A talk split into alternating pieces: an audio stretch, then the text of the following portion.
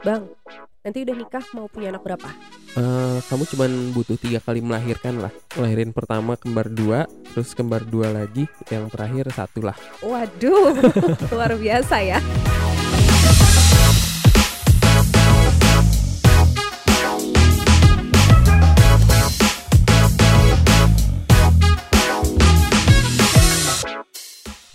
Kita sudah semakin dekat sebenarnya di hari pernikahan, tapi Mhm. ada satu pembahasan yang belum kita bahas tuntas sebenarnya gitu.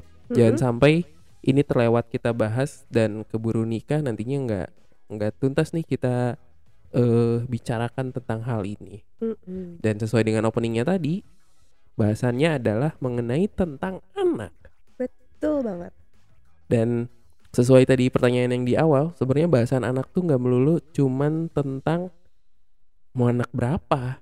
Mhm. Karena itu tuh ya ya udah gitu aja gitu. Pada akhirnya kuantitas juga tetap akan kalah dengan kualitas Wah, asik. Walaupun memang selalu diawali dengan mau punya berapa. Iya. Nah, clear dulu deh di pertanyaan pertama sebelum muncul pertanyaan-pertanyaan selanjutnya. Mhm. Mau berapa emang? Aku sih pengennya minimal tiga sih, biar rame gitu. Tiga. Iya sih. Kayak seru. Aku tuh kebayang ya kalau misalnya punya tiga anak, Mhm. kita bakalan melewati eh semua fase per- peranakan Mhm. yang sering kali kita pelajari dulu waktu zaman kuliah ya. Hmm, kayak anak. Kita bakalan Eh, punya anak sulung, punya anak sulung. bungsu, punya anak tengah yang Oh iya betul. semuanya punya permasalahannya masing-masing. Kayaknya seru gitu. Betul ya. Ada ada khasnya ya pasti ya dari masing-masing anak. Itu dia gitu dan dan ya itu kan kepengen lah ya gitu. Betul. Itu kepengen. Cuman tadi eh, bahasan tentang anak, Mm-mm. kenapa sih kita harus bahas anak sebelum menikah gitu? Mm-mm. Karena ada ada gini loh. Ada statement ya. Mm-mm. eh ini aku bikin sendiri sih statementnya. Eh siap menikah tuh nggak melulu eh otomatis siap jadi orang tua ya nggak? Iya betul. Aku setuju sih sama itu. Karena beda dua-duanya gitu. Ya menikah sebagai pasangan kalau eh, punya anak tuh nambah lagi kan perannya sebagai orang tua nih gitu. Ya, itu dia. Kadang kan kita misalnya mau nikah aja, Mm-mm. sebenarnya bagusnya tuh perlu bener-bener pertimbangan matang nggak cuman karena dikejar-kejar umur gitu ya Mm-mm. diomongin sama lingkungan tapi juga bener-bener harus yang muncul dari kita sendiri sadar akan apa yang nantinya mau jadi tanggung jawab haknya kita ketika pernikahan? Kan sebenarnya kayak gitu. Oke. gitu pun tentang punya anak. Jadi Mm-mm. dua hal ini tuh dua hal yang eh, terpisah dan memang harus dibahas secara matang juga gitu. Iya kadang kadang ada juga ya maksudnya ya udah menikah nih tapi nggak terbahas masalah anak. Jadi ya udahlah sedikasihnya aja tapi sekalinya dapat eh ternyata kaget juga ya gitu ya. Nah jangan sampai eh, ada di tahap itu mungkin ya kalau eh, tidak terbahas tadi gitu itu dia tuh kayak Mm-mm. eh gini sih memang ya pada akhirnya urusan anak juga rezeki iya sama aja Iya. kayak kayak sebelum kita nikah ngomongin tentang jodoh jodoh juga ya, akhirnya diatur sama yang di atas gitu pun Mm-mm. anak kan gitu Mm-mm. cuman memang eh aku nggak sepakat sih sama statement sedikasihnya aja gitu Mhm. karena ada terkesan eh di satu sisi positifnya ya berserah lah gitu ya. Karena yang nggak Iya, tahu itu kan eh, rezeki dikasih sama Tuhan gitu. Mm-mm. tapi sering kali eh situasinya tuh jadi nggak prepare gitu Iya, loh. tidak bersiap. Tidak Iya, bersiap betul. gitu. Jadinya ya udah sedikasihnya pas dikasih nah loh kok jadi gitu kan? Iya panik ini dan ya stres gimana ya? gitu gimana Iya. stres dan ketika memang eh, Mm-mm. udah stres ya nanti berujung ke banyak hal lah gitu ya Iya. pengasuhannya Mm-mm, dan lain-lain mm-mm. nah kamu sendiri nih ya kita deh gitu sebenarnya seberapa siap sih kalau ngomongin siap atau seberapa pengen punya anak gitu Hmm. kamu sendiri gimana sih seberapa pengen duh kalau aku sih namanya monster anak ya. Ah. bukan monster anak apa sih? Pecinta anak gitu ya. Kalau ditanya pengen Iya. pengen banget kamu gitu. lihat lihat anak di anak kecil di mana pun kan minta dibeliin. Pengen yang kayak iya gitu pengen yang kayak pengen gitu. yang kayak gitu gitu. Sakau lah ya apalagi namanya bayi ya. Kalau dibilang pengen sih pengen banget gitu ya. Tapi balik lagi gitu sadar lagi nih eh bahwa ketika kita sudah memutuskan oke aku pengen nih pengen punya anak gitu ya tapi pengen ini memang benar-benar harus disiapkan sama semua prepare-nya gitu ya. Dari mungkin banyak ya dari finansial gitu ya. Terus dari diri kitanya udah ready atau belum gitu. Jangan sampai nanti eh masih berkutat sama diri kita sendiri gitu ya atau berkutat sama pasangan dan ternyata emang belum ready nih untuk punya anak gitu lebih ke arah situ sih. Kamu gimana? Bahkan jauh sebelum itu ya. Hmm. kalau misalnya tadi kamu bilang kan wah aku sih monster anak gitu ya. Iya. kayak wah anak tuh haus banget. Aku pengen punya yang kayak gitu gitu kan. Tiap-tiap misalnya jalan terus ada yang bawa bayi yang Mm-mm. masih lucu kamu kan selalu tiap ih pengen itu pengen itu. Mm-mm. kan aku lihat dulu ibunya ya gitu. Kalau kamu pengen yang kayak gitu berarti aku harus sama ibu itu dong. Waduh gawat. Mending kita yang versi kita sendiri aja Versi gitu kita jangan aja. yang itu iya cuman eh tadi ya sebelum ke eh, kesiapan kita punya anak Mm-mm. kadang aku tuh suka mikir eh, perlu kayaknya kita perlu deh menyamakan persepsi tentang anak itu sendiri eh misalnya kalau kamu udah jelas-jelas eh, suka nih sama anak kecil pasangan belum tentu loh iya betul pasangan bisa jadi eh ya contohnya aku lah gitu ya. ada fase di mana kayak anak kecil tuh duh enggak deh gitu enggak Mm-mm. deh dalam artian mm, berinteraksi sama anak kecilnya nggak bisa terus ada ada momen-momen yang kayaknya aku ganggu banget deh kalau kalau ada anak kecil di sekitar tuh Mm-mm. gitu Mm-mm. terus ya jangankan jangankan berpikir untuk punya anak bahkan untuk eh, berinteraksi dengan anak kecil pun akhirnya ya worry lah gitu ada tuh Iya. fase itu gitu walaupun Mm-mm. sekarang makin ke sini makin paham makin ngerti makin dan makin jago sih kalau aku lihat makin jago gitu kan bisa ya. menaklukkan bocil-bocil gitu ya Mm. dan ibunya yang itu jangan deh serem eh nah tapi sampai ya kalau misalnya kamu bilang kayak udah udah mulai bisa luas gitu Iya. ngadepin anak kecil Mm-mm. dan itu pun muncul di akunya kayaknya iya nih gitu ya kayaknya aku juga aku juga sudah mulai merasakan hal yang sama kayak kamu misalnya "Ih, Mm-mm. pengen deh punya yang kayak eh, ya anak kecil gitu kan ya Mm-mm. eh, ngerawat dan lain-lain. Ketika udah nyampe fase itu kayaknya eh ya one step buat ready nih punya anak gitu loh. Mhm.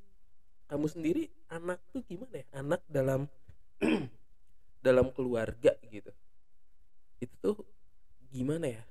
Menghayatinya gitu. Bahkan kan ada yang nggak mau punya anak gitu kan ada child free yang kayak Hmm. gitu-gitu gitu. Keputusan kita atau ya misalnya alasan kamu pengen punya anak tuh apa sih? Alasan pengen punya anak selain tadi ya gemes gitu ya eh, kelucuannya gitu hal-hal yang kayak gitu. Nah yang bikin aku pengen tuh adalah mungkin penasaran sama mini-minya kayak gimana gitu ya. Terus karena aku banyak juga mempelajari tentang anak gitu ya dunia anak dunia remaja gitu. Akhirnya kayak suka penasaran aja gitu kalau eh ngurusin anak orang lain gitu ya di sekolah atau misalnya ada klien gitu. Eh kadang suka greget gitu penasaran pengen cobain langsung kalau ngurus anak sendiri tuh kayak gimana sih gitu. Kadang pengen prakteknya gitu loh udah tahu nih ilmunya udah tahu nih hmm, tantangan-tantangannya kira-kira gimana ya? Bisa nggak ya kayak nge-challenge dirinya juga ada gitu ya? Iya iya eh apalagi ya? Lebih ke hmm, ya ada harapan-harapan juga gitu ya? Eh kayak apa ya? Nge-challenge diri kayak ini loh ya. tau kayak apa? kayak kepantik sama ya misalnya di lingkungan ya. Mm-mm, karena itu suka gemes gitu ya misalnya lihat iya lihat eh, anaknya kakak gitu ya misalnya lihat keponakan lah atau misalnya anaknya temen atau apa. Ada ih kok gitu ya? misalnya gitu. Padahal kayaknya anak anak itu bisa digini gini gini gitu. Ya ide- Iya. idealisnya kita mungkin ya kayaknya suka ada lah yang kayak gitu Mm-mm, gitu kadang ngomentarin anak orang juga kayaknya udah lumrah aja gitu sekarang pasti deh kayak gitu gitu. Ada semacam eh kepantik buat eh seru deh ya kayaknya gitu nge ngebentuk manusia gitu ya iya ngebentuk manusia dari mulai bikinnya sampai ke ngurusnya sampai Iya. yang gedeinnya gitu ya. Ada hal-hal yang memang hmm, ya menarik sih Iya. sepakat sih untuk poin Mm-mm. itunya gitu jadi bukan bukan berangkat dari Ih, jangankan ini deh jangankan eh nanti kita misalnya udah nikah Mm-mm. terus sekarang aja nikahnya aja belum udah udah langsung cepet-cepet punya anak ya gitu kan Mm-mm. cepet-cepet eh dapat momongan atau misalnya duh pengen udah pengen punya cucu gitu kan dari kakek neneknya gitu kan kadang ada pasangan yang punya anak tuh karena itu karena, Karena lingkungan ya? lingkungan kedorong Oke. gitu kayak harus harus bersegera aja gitu setelah pertanyaan kapan nikah iya jadi cuman cuman menyegerakan menjawab pertanyaan-pertanyaan aja gitu padahal Iya. situasi dirinya tuh belum belum punya loh alasan untuk punya anak tuh apa Mm-mm, gitu loh mm-mm, mm-mm. alasan untuk eh, punya keturunan tuh apa gitu ya bahkan nanti berlanjut lagi alasan untuk eh, beranak beranak lagi eh, punya anak lagi punya adik Mm-mm. lagi gitu ya si kecil itu alasannya apa gitu Mm-mm. sering kali ya Iya, berangkat tuh, tuh, dari betul. cuman ya pertanyaan-pertanyaan lingkungan dan akhirnya mempercepat untuk menjawab itu gitu Mm-mm. Berarti kalau bisa dibilang eh, sebetulnya tujuan menikah itu bukan untuk punya anak ya nggak sih gitu? Bisa dibilang begitu nggak? Atau gimana? jatuhnya beda-beda sih ya kalau Balik lagi ya jatuhnya masing-masing. beda-beda walaupun sebenarnya kalau ngomongin tentang eh, secara umum nih Mm-mm. kalau secara umum tuh jatuhnya eh ya menikah mempa ini kan ya salah satu fungsinya satu tujuannya adalah reproduksi sebenarnya kan Mm-mm. memperpanjang keturunan gitu itu jadi jadi salah satu tujuan utama menikah sebenarnya tapi ya sekarang sekarang sendiri ya balik lagi ya menikah pun nggak melulu tentang punya anak gitu Mm-mm, mm-mm. nggak melulu ten- tentang punya anak tapi yang paling penting adalah ya tujuan apa pun itu tujuan menikah ya harus Disadari gitu ya. ya sadar gitu Mm-mm, mm-mm. benar-benar sadar benar-benar yakin sama tujuannya tuh apa gitu Yap. itu yang yang aku sih pengen ngaj- ngajak kamu ngobrol tentang tentang anak ini tuh ya bukan tentang berapa berapanya tapi Mm-mm. anak tuh buat apa sih Mm-mm, anak tuh gimana sih gitu. mm-mm, jangan sampai kita cuman kemakan sama tuntutan lingkungan Iya. Tapi akhirnya yang jalannya juga nggak nggak meaningful gitu iya ya. soalnya yang maunya lingkungan kitanya nggak Mm-mm. nggak nggak seantusias belum itu tentu iya betul. tapi kalau misalnya tadi udah ya emang pengen kayak aku juga yang berangkat dari nggak suka anak kecil terus semakin menghayati itu Mm-mm. ayo deh yuk der gitu nah cuman kan gini ya eh tadi di awal kamu bilang juga kita tujuan oke udah udah clear nih Ya. tapi ternyata banyak banget hal-hal lain yang memang harus dipersiapkan Mm-mm. dan salah satunya tadi kan kamu bahas tentang eh, finansial kali ya Iya betul. bahas tentang finansial nih kalau misalnya kita jabarin punya anak miara kelinci aja gitu ya kita harus ngebudget ngebudgetin kandangnya Iya. iya eh, pakannya ya harus Mm-mm. eh, ngerawat ngebersihin dan lain-lain kelinci loh Ke gitu dokternya gitu ya. Kelinci yang notabene eh di Lembang tuh dijual tiga puluh ribuan gitu kan ya tapi perawatannya juga luar biasa kan apalagi anak sebenarnya Ya gitu. betul. kayak kamu kan ada tuh kayak pengalaman Mm-mm.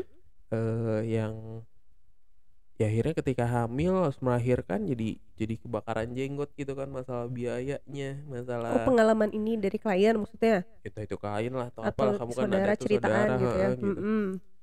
itu kan berangkat dari ketidak prepare Siapan. kan sebenarnya gitu. mm-mm. kayak gimana tuh waktu itu tuh eh ya situasinya kan Iya jadi kan setelah menikah terus ya biasalah eh, nggak ada prepare deh kayaknya untuk kapan punya anak ya sedih kasihnya dan segala macam. Dan alhamdulillahnya mungkin rezekinya cepat gitu ya hamil eh, segala macam. Dan ternyata akhirnya curhat-curhat juga sih di ujung-ujungnya. Pas di detik-detik mau lahiran tuh ternyata masih belum ada uangnya gitu memang belum ready dan segala macam ya. Kayak ya sedih aja gitu ngedengernya gitu ya. Walaupun setiap anak tuh pasti bawa rezeki gitu ya adalah ya betul. eh, pemahaman akan hal itu. Tapi eh, alangkah lebih baiknya kalau memang bener-bener kita prepare kan gitu. Itu sih pokoknya ada berabe lah kalau gitu. misalnya berangkat dari serba serba kaget gitu ya. Iya. Kayak eh jadi? Eh hamil? Eh banyak e-nya gitu kan terus? Bentar lagi lahir "Eh, gitu. bentar lagi lahir ntar gimana ininya gitunya Iya. gitu. Eh perkara misalnya nggak bisa gendong bayi lah gitu ya nanti Mm-mm. gimana eh apa ganti pampersnya lah mandiinnya lah Mandiinnya, itu iya. kayaknya perkara yang memang ya udahlah memang harus nanti setelah punya anak kita belajar langsung ya nggak sih Mm-mm. ya walaupun ya mungkin ada ada cara-cara tertentu kita kita belajar sama orang tua kita kali gitu untuk Mm-mm. hal-hal yang teknis kayak gitu cuman fisik mentalnya gila yang harus bener-bener prepare tuh Iya dan sekarang kan fenomenanya banyak banget tuh ya yang kayak ujung-ujungnya baby blues gitu ya terus kayak ngerasa eh semuanya teralihkan ke anak gitu dan segala macamnya terus eh, kehilangan momen sama suami atau suami pun sama tuh kehilangan momen sama istri gitu kan.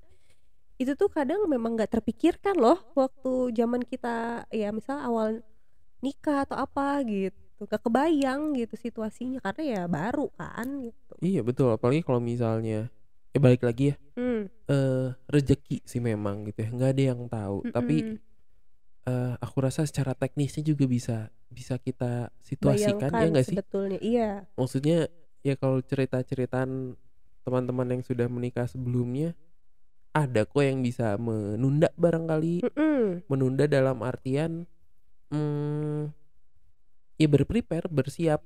Mm-mm. bersiap untuk secara ya fisiknya mentalnya finansialnya gitu kan? Mm-mm, mm-mm, nunggu sampai waktu yang paling tepat untuk paling siap mm-mm. eh, sehingga ketika hamil ketika melahirkan ketika mengasuh anak ya udah ready tuh si orang tua kan gitu. Iya akan lebih bijak lah ya mungkin ya gitu ya. Dan bisa bisa banget kan gitu untuk untuk ditunda seperti itu. Tapi pada kenyataan memang banyak kan yang akhirnya eh hajar hajar hajar sikat sikat gitu Iya. kan terus Mungkin- langsung jadi. Iya itu dia dan menundanya tuh mungkin akan lebih bijak kalau ada batasan waktu kali ya sampai ya kapan betul jadi ada target betul tetap dari kitanya tuh usahanya tuh jelas gitu ada apa Betul. nih gitu Kayak sederhana gini deh Hmm. kalau misalnya ya fisik mental mungkin kita ngolahnya jauh lebih susah gitu ya. tapi Mm-mm. seenggaknya bahasan finansial deh Mm-mm. kayak eh sesederhana kita nge-breakdown biaya biaya persalinan berapa terus kita Mm-mm. bisa kumpulin itu dalam waktu berapa lama Mm-mm. Itu bisa jadi salah satu patokan kan sebenarnya gitu Mm-mm. seenggaknya salah satu masalah atau salah satu poin eh, prepare yang kita harus persiapkan sebelum sudah checklist udah gitu checklist ya. tuh satu gitu Oke, seenggaknya gitu mm-mm, ya katakanlah misalnya 20 juta lah anggap gitu mm-mm. 20 juta misalnya kayaknya kita bisa deh eh, nge-spare itu dalam jangka waktu tiga bulan misal nih ya udah tiga bulan itu kita mempersiapkan untuk itu ya tahan-tahan lah dulu gimana caranya kayak gitu ya buat biar gimana nggak tuh? biar nggak jadi gitu kan. Ya lah kita berguru dulu ya. Mm-mm. sosokan cuman mm, ya tadi balik lagi satu satu hal kita bisa selesaikan dan akhirnya itu akan membantu hal lain bisa terselesaikan dengan mudah juga gitu. Iya. Mentalnya kita udah seenggaknya nggak kepikiran duit deh gitu. Mm-mm. jadi persiapan mentalnya bisa difokus ke hal-hal yang lain gitu ya pengasuhan barangkali ya eh tektokan sama pasangan kali gimana bagian nantinya peran gitu gitu, ya Mm-mm, betul sih. Dan apa ya ya dibawa enjoy aja gitu walaupun misalnya kita nunda nih udah ada target khusus tapi ternyata memang belum rezekinya dikasih ya nikmatin lagi oh berarti prepare lagi gitu ya. Atau kalau gini misalnya kita udah nentuin nih target gitu ya ada nunda dulu nih sekian eh, bulan misal sekian tahun. Tapi ternyata ternyata dapat tuh rezekinya gitu ya. Walaupun sudah diusahakan untuk ditahan dan segala macam setidaknya kita sudah sadar gitu bahwa oh ini tuh kita masih belum ready. Tapi udah sadar dan tahu gitu ya apa yang akan dihadapi mungkin akan jauh lebih siap gitu kita nerimanya dibandingin eh ternyata eh ternyata gitu ya nggak sih betul sadar gitu Mm-mm. bahkan ya eh worst case skenario nya juga kita sadar gitu kan ketika Mm-mm. memang kecepatan atau bahkan eh susah dapetnya kan ada yang Iya. beberapa yang kayak gitu juga Mm-mm. gitu kita udah udah prepare nih udah apa ternyata nggak dikasih gitu Mm-mm. belum belum ada dikasih sama Tuhan untuk punya anak ya Mm-mm. Itu pun sebenarnya harus kita bahas sih gitu Mm-mm. hal-hal terburuknya pun harus kita bahas nah cuman sebelum yang terburuknya dia Mm-mm. bahasan anak juga kan kita nanti bakalan berkonflik dan aku sering banget sih nemuin ini gitu ya. urusan pola asuhnya pola asuhnya nih Pola mau asuh gimana katanya si emaknya gini ya yang aku sering temuin nih hmm. si ibunya dengan berbagai eh, postingan Instagram yang dia save tentang anak gitu ya mulai dari ASI mulai dari apalah masa mana banyak banget lagi ya gitu. sekarang tuh ya Iya bang, Mm-mm. malah versinya beda-beda udah ikutan kelas inilah kelas itulah gitu kan Eh, baca buku ini baca buku itu gitu terus berbenturan sama si bapaknya yang ah udah anakmu yang penting inilah nggak usah terlalu banyak dijaga diatur apa dia biarin explore gitu kan ya kebanyakan sering nemuin kayak gitu tuh Mm-mm. udahlah nggak apa-apa makan juga apa aja yang penting makan misalnya gitu Mm-mm. eh banyak tuh konflik-konflik yang seperti itu yang akhirnya mm, ya tadi si istri yang dia kayak udah punya usaha banget kan gitu ya ambisius dengan pengen oh nanti tuh pengasuhan gini gini gini gini gini akhirnya ngerasa si suami nggak support gitu dengan apa Mm-mm. yang dia cari gitu pun sebaliknya si suami dengan istrinya yang sebegitunya akhirnya "Ih, apaan sih santai aja gitu nggak usah jadi terlalu cemas atau terlalu apa gitu karena mungkin ya di awal juga nggak nggak Iya, bersepakat nih iya, si si anak mau diapain diobrolin gitu, ya Mm-mm. nih si anak mau diapain sih nanti udah ini tuh mau Mm-mm. mau gimana mau gimana pun ketika misalnya sebenarnya nggak jadi masalah sih kayak urusan ini aku serahin ke kamu deh misalnya urusan-urusan tertentu itu juga nggak apa-apa sih sebenarnya ya gitu tapi di satu suara dan jangan sampai muncul konflik gitu iya jangan jadi beda gitu ya Iya gitu. Mm-mm. Bahkan kalau menurutku yang harus kita perangi dalam hal mengasuh anak tuh jangan sampai di dari internal pasangan lah gitu. Hmm.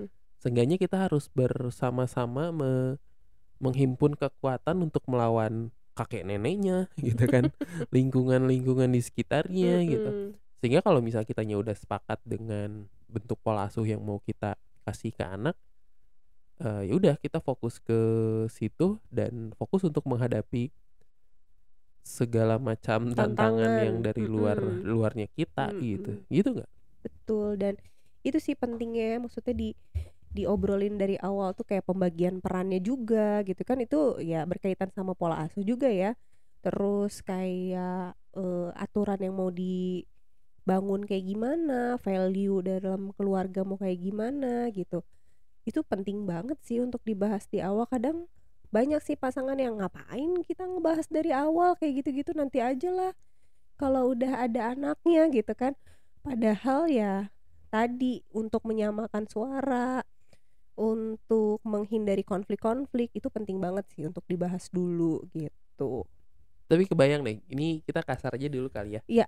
Kebayangnya hmm, pola asuh atau atau punya ini gak sih kayak kita punya punya dream lah, punya Hmm. mimpi gitu ya kalau bisa punya anak tuh. Aku kayaknya pengen deh hal-hal tertentu ke anak tuh kayak gimana gitu. Kamu punya kayak gitu gak sih? Hmm, ada sih kayak lebih eh, pengen membersamai anak dengan keinginannya sendiri gitu, nggak pengen yang eh apa ya kayak ada ekspektasi yang berlebih gitu tuh nggak pengen. Atau bahkan eh aku dulu kayak gini anak aku jangan sampai dulu kayak gini itu tuh justru itu aku berusaha untuk menghindari hal itu ya gitu. Supaya mm, kadang secara tidak tidak disadari ya itu yang muncul gitu. Tapi eh, lebih ke ada sih harapannya pengennya membersamai dia ya sesuai dengan tumbuh kembangnya dia aja gitu tapi kita bersamai gitu kita dukung kita support gitu. Dan kalau misal ngomongin pola asuh mungkin kalau kita jabarin banget di sini bakalan panjang banget gitu ya. Tapi kalau aku boleh kayak spill dikit-dikit Mm-mm. gitu ya. Aku tuh pengen banget tahu kayak ini eh kayak anak-anak di Korea tuh yang di nah iya apa betul sih acara apa sih teh? Eh, Return of Superman Nah, itu kan gitu. Emang beda-beda ya. Kita kalau misalnya nonton itu pun beda-beda sebenarnya. Tapi Mm-mm. ada banyak beberapa hal yang menarik yang aku lihat di variety show itu tuh yang paling utama tuh perihal makan sih. Hmm, oke Aku enjoy banget ngelihat mereka makan gitu kan ya di padahal masih bocah-bocah banget gitu kan tapi pada bisa makan sendiri, Mm-mm. enggak dengan eh setelan makan khas Indonesia gitu kan ya dengan nasi pakai kuah baso sore-sore terus anaknya Digendong. di, digendong keliling-keliling komplek atau enggak kalau udah agak gedean dikit sambil disuapin tapi sambil lari-lari anaknya kan gitu. Aku tuh punya itu kayaknya salah satu goals yang kayaknya kita harus jabarin deh gimana caranya ngebentuk anak bisa kayak gitu gitu. Mm-mm, Karena sama pasti- kayak mandiri tidur sendiri gitu Iya ya. tidur sendiri Mm-mm. terus yang itu kan luar biasa ya kalau nonton. Lah bisa ya anak-anak sekecil itu bangun dari tidur siangnya nggak nangis. Mm-mm, happy gitu ya.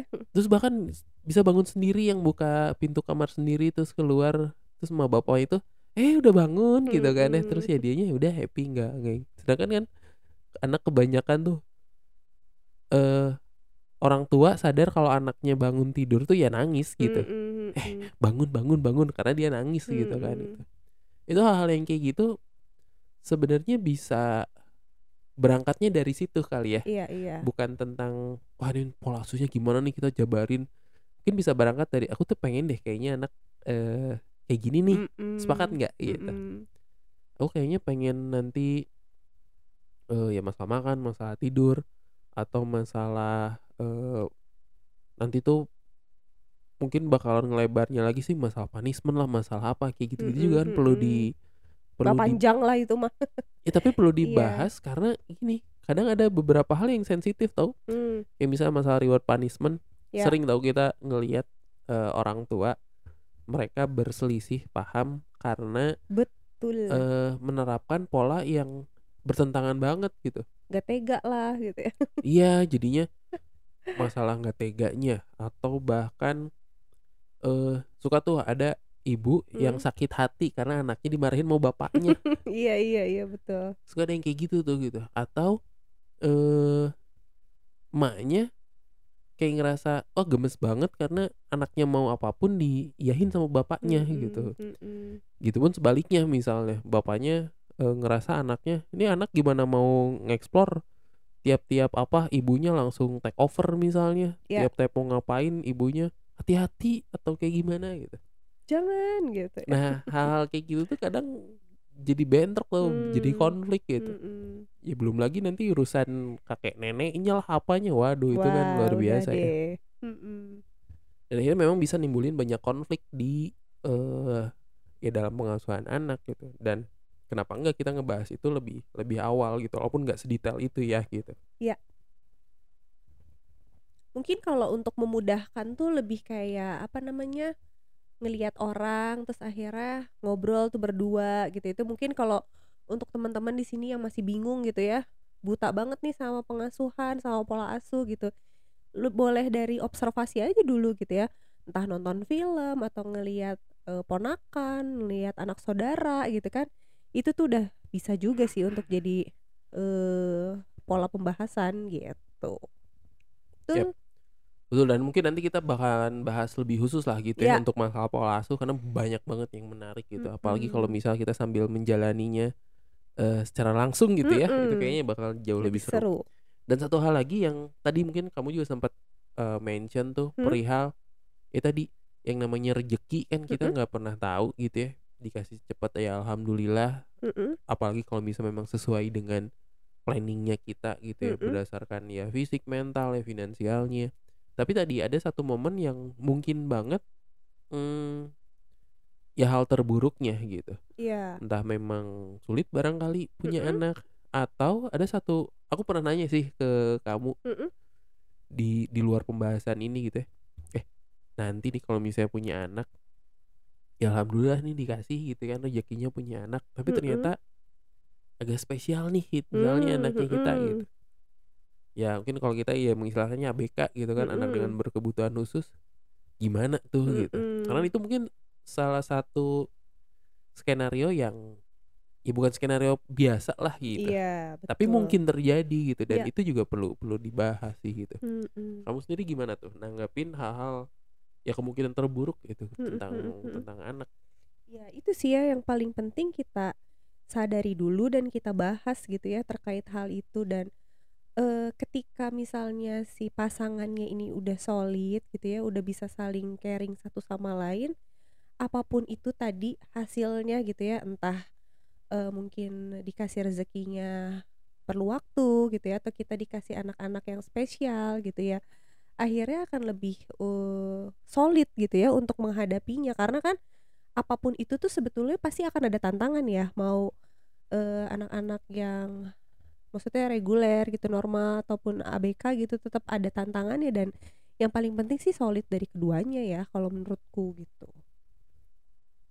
Dan sadar balik lagi sih semuanya tuh harus semuanya sadar. sadar betul betul. Harus sadar gitu kayak misalnya eh ya nantinya punya anak ABK lah atau Mm-mm. bahkan ya mudah-mudahan sih enggak gitu ya sampai misalnya memang kita nggak dikasih untuk punya Mm-mm, anak gitu ya mm-mm, mm-mm. itu bukan bukan suatu yang nggak eh, nggak mungkin itu Iya, masih ada betul. kemungkinan tapi kita di sadar nih di awal Mm-mm. harus dibahas kayak gimana gitu Mm-mm, mm-mm. dan ya mudah-mudahan semuanya berjalan dengan lancar sesuai dengan eh, planning tapi karena kita ngebahas sudah ngebahas di awal tentang worst case scenario nya ya pun ketika situasi itu terjadi kita jauh lebih ready lah gitu ya. Betul nggak sekali. kaget-kaget banget gitu nggak. Mm-mm, ya Tuhan kenapa kau mm-mm. berikan anak yang misalkan ada yang kayak gitu kan akhirnya Mm-mm, gitu. Karena akhirnya tidak berterima tentang tentang kondisi anaknya gitu. Banyak banget yang kayak gitu. Dan ya itu ini salah satu poin yang dari sekian sudah sekitar sepuluhan bahasan yang sebelumnya kita bahas gitu ya. Ini salah satu bahasan yang menurut kita perlu banget buat kita bahas ya mungkin gak harus detail banget tapi Mm-mm. bahas tipis-tipis yang yang bisa jadi kita punya gambaran lah pasangan kita tuh kayak gimana ya Ya. Eh, sudut pandang tentang anak sudut pandang tentang eh mengasuh anak gitu kan ya pola asuhnya ya nanti seperti apa gitu bahkan kayak jangankan ke nanti punya anaknya gitu ya Mm. konteks hamil aja dulu gitu kita sih udah ya bercandaannya gitu ya ah, aku mah udah ready lah mendingan ngumpulin uang buat kamu sesar aja deh kayaknya gitu Sorry iya kan maksudnya karena Kenapa coba kamu punya pikiran kayak gitu ayo lah ya kalau ada luka dikit atau ada sakit dikit juga kan langsung ini gimana Wah, Ah, aku aku gimana merasa gitu kan. terchallenge nih. Kita lihat nanti ya. Di podcast yang episode berapa nih kira-kira kita akan bahas ketika anak kelahiran. ya tapi Hmm. lebih ke ya syukur-syukur misalnya itu jadi challenge dan jadi ininya pasangan gitu ya Mm-mm. tapi mm, ya kenapa enggak juga untuk untuk menyesuaikan situasi dan kondisi Iya, gitu iya. kan Mm-mm. ketika memang soalnya ada loh kayak kayak teman kita juga ada lah yang Mm.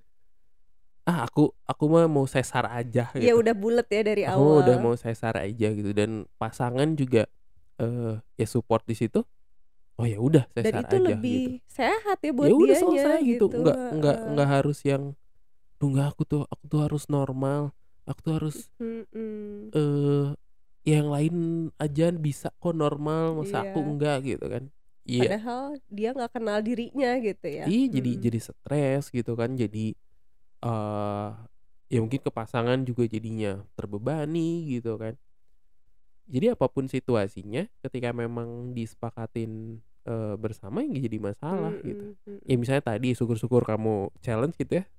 Terus eh tapi aku kan udah ngumpulin buat sesar jadi Iya.